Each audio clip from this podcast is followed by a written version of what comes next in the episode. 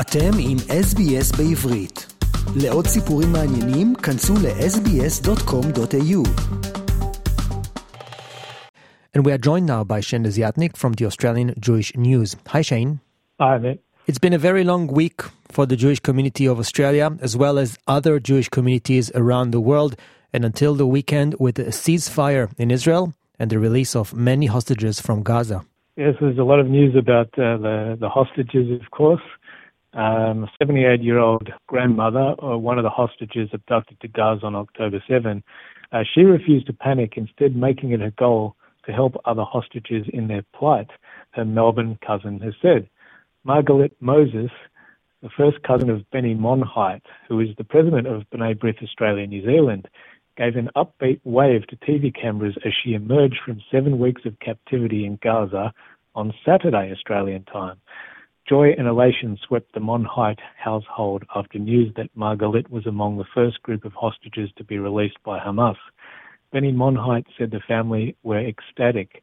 I think they were worried that she wouldn't come out alive, he told the Jewish News. News that Margalit from kibbutz Nir Oz was among the freed hostages came in a text from a family member in Australia, and then the family in Israel confirmed it. Monheit said, We didn't know how she was looking and whether she'd be cared for, but at least she was coming out. She was able to walk unaided, so physically she was in good shape, and we were over the moon. Of course, with many hostages believed to, so many have been uh, captured and are still in captivity, Monheit and his family were mindful of the plight of other hostages uh, not released. He said there is always that nagging feeling. What about all the other hostages? They need to come out as well. Uh, as of Monday, Australian family members had not yet managed to get in touch with Margalit as she was still in hospital for medical checks. Shane, I believe there are a few more Israeli Australian hostages who came back home. Yeah. Also released were six members of Melissa McCurdy's family. Uh, she's an Australian uh, who had been kidnapped from their homes on kibbutz Be'eri. Shoshan Haran, 67, was freed along with her daughter Adi Shoham, 38, and her children, Nava, 8, and Yahel, 3. Shoshan's husband, Avshalom, was killed in the Hamas attack, while Adi's husband, Tal, remains in captivity. Shoshan's sister-in-law, Sharon Avigdori, 52, was released with her daughter, Noam, 12, but Shoshan's sister, Lilach Kipnis, 60, was killed alongside her husband, Eviatar Kipnis, 65. McCurdy, who lives in Sydney, told the Jewish News she is incredibly relieved and grateful her relatives are home safely. They were released from hospital on Tuesday and they are all together now, McCurdy said. We're very sad that the seventh one of our family group, Tal, wasn't also released, and equally sad that the rest of the hostages aren't released and we don't know where all of them are. So it's a bittersweet homecoming, mm. uh, McCurdy said, for Shoshan. Yeah, as you mentioned, some joy mixed with sadness there. And every day this week, we saw the release of at least 10 hostages almost every day, mainly young kids together with their moms and some elderly women. And while this has been going on, staying on the same topic, we had a visit of a group of Israeli family members of people kidnapped or killed in October 7th. Tell us more. There's actually a group of five people is part of a delegation from Israel of family members of either people kidnapped or who were killed by Hamas um, on or since October 7. Uh, the group came to Parliament House in Canberra on Tuesday, where they met with Prime Minister Anthony Albanese, Deputy Prime Minister Richard Marles, and Foreign Minister Penny Wong, and other MPs to share their emotional personal testimonies and call on Australia for support in the effort to free all the hostages. Uh, Elad Levy, whose niece Ronnie Eshel was initially thought to have been kidnapped on October 7, before, of course, the 19 year old was later confirmed dead. He told reporters that the first aim is to get the hostages back, and the second is to get the support of the Australian people and the Australian government for Israel's actions in wiping out Hamas and in our military actions right now uh, to eradicate Hamas after this uh, series of um, mini ceasefires. Uh, Iris Haim said her 28 year old son, Yotam Haim, who was kidnapped from his home on kibbutz Kfar Aza, has a severe medical condition and she has had no information about him mm. since last text messages on October the 7th. In some good news, uh, just on Thursday morning, uh, there's a, one of the delegation members, Mika Shani, her 16-year-old brother Amit was released uh, from captivity. Um, so uh, she arranged uh, for a flight back immediately to Israel on Thursday or Friday, I believe, so she could uh, see him and, and um, give support to him. Yeah.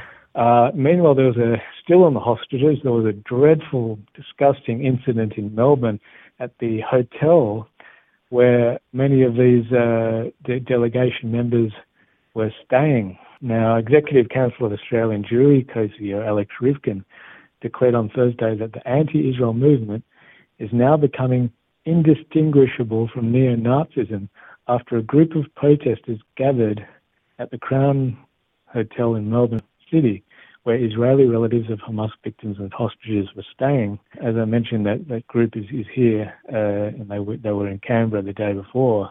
So, yeah, they were in the lobby of this hotel. There was a group of about 20 protesters uh, screaming disgusting things at them, uh, and uh, they were later taken out by security and, and police. Uh, Alex Ryvchin said it's difficult to imagine a more hateful and disgusting act and targeting families of Israeli hostages who are visiting our country to talk about their fear and trauma. We stand in complete solidarity uh, with the families and we assure them that the thuggery they confronted is no reflection of the decency and humanity of our fellow Australians. While uh, Zionism Victoria Executive Director Zeddy Lawrence said it is simply incomprehensible that people could behave like this and that this could have been even allowed to happen. Uh, Victorian Premier Jacinta Allan said on Thursday morning that yesterday I met with a mother whose son was Israeli son was murdered. She, like so many others, have experienced the heartbreak. It's every mother's nightmare at the hands of the terrorists. And I condemn the extreme behaviour on display last night in the strongest possible terms. Is the police actually doing something about this? I guess they're investigating and uh, and seeing if anything can be done under the anti-vilification laws. If anything, this is just uh, the latest in, in many incidents. There's been more by politicians and other protesters. Um, so, for example, uh, a Jewish board member um, Judy Hausman of the Sydney Theatre Company has resigned, and uh, this is after three actors held an onstage protest against Israel's operation in Gaza last Saturday night uh, during the performance of Anton Chekhov's The Seagull play. Actors Harry Greenwood, who's the son of Hugo Weaving, Megan Wilding, and Mabel Li wore Palestinian scarves at the end of the performance. Greenwood later shared another user's post to social media with a photo of the trio and a caption accusing Israel of, quote, continued violence and occupation of the Palestinian people. A theatre company, Sydney Theatre Company spokesman told the Australian newspaper the theatre did not know about the protest ahead of the time and did not endorse it. And since then, the theatre company has made a, issued a formal apology and actually cancelled one uh, scheduled performance of the play on Wednesday night. A Jewish board member, yeah, Judy Hausman, resigned out of principle uh, because of that. And uh, there's been uh, many letters written by supporters and donors of the Sydney Theatre Company about what's happened, uh, including a very good letter from Daniel Grinberg. Mm. Meanwhile, federal Green Senator Mehreen Faruqi is under fire for posting a since deleted photo on Instagram which had participants at a pro Palestinian high school rally in Sydney the Friday before, where she stood smiling next to a sign depicting an Israeli flag tossed into a bin with the words Keep the World Clean written on the sign. In the post, Faruqi commented, Courageous students will lead the way for justice for Palestine. Our reaction has been very swift with Israeli Australian Ophir Birnbaum leading a dozen strong gathering last Saturday outside Faruqi's Sydney office where they stood next to rubbish bins. When I saw Senator Faruqi's post, I could not sit still. It is anti Semitism by definition, Ophir said. And by Sunday evening, a change.org petition calling upon Faruqi to apologize for her role in spreading anti Semitism had gained more than 1,500 signatures. And the Executive Council of Australian Jewry has condemned Faruqi and called her to issue an apology and to resign, describing her behaviour as not aligned with the values of Australia. Uh, Faruqi deleted the post, uh, the photo in the post, but she has not issued an apology as far as we understand. Mm. And you can read more about this on this week's edition of the Australian Jewish News. Shane, to finish off, uh, let's uh, do some good news for a change. Okay, so in, in good news, in Sydney, Martin Place was packed with people last Sunday morning for United with Israel's latest Bring Them Home Now rally which for the first time included a march against anti Semitism component. So there was a huge, huge crowd, probably at least three or four thousand. Uh, amongst uh, the speakers were Senator Andrew Bragg, former New South Wales Treasurer Eric Roozendaal, uh, Wentworth MP Allegra Spender, and also probably amongst the most impactful speakers uh, was the University of Sydney Conservative Club's president Freya Leach, who's a passionate advocate for Israel among uh, young non-Jewish Australians. Yeah. Uh, two quick things. Uh, Daniel Aghion, who is, uh, has been elected as the new Executive Council of Australian Jewry President. Uh, he's a former Jewish Community Council of Victoria President, and uh, he was elected unopposed at the AGM last week interestingly, um, he's actually the first uh, ECAJ president that has Sephardic or Mizrahi background. Um, so, and he actually happened to be in Sydney, of course, for this ECAJ uh, AGM.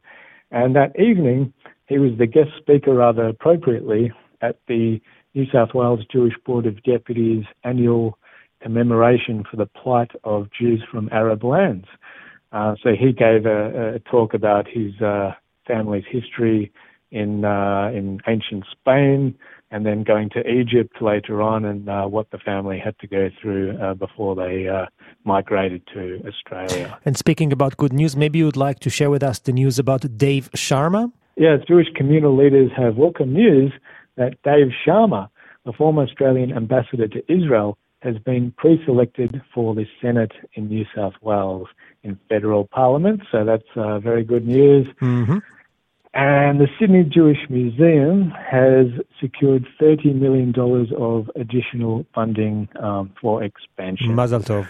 And uh, last thing is uh, there's been a federal law now that will outlaw Nazi salutes across Australia. Shane Desiatnik with the Australian Jewish News. Thank you so much for your time and speak to you next week. עקבו אחרינו והפיצו אותנו דרך דף הפייסבוק שלנו.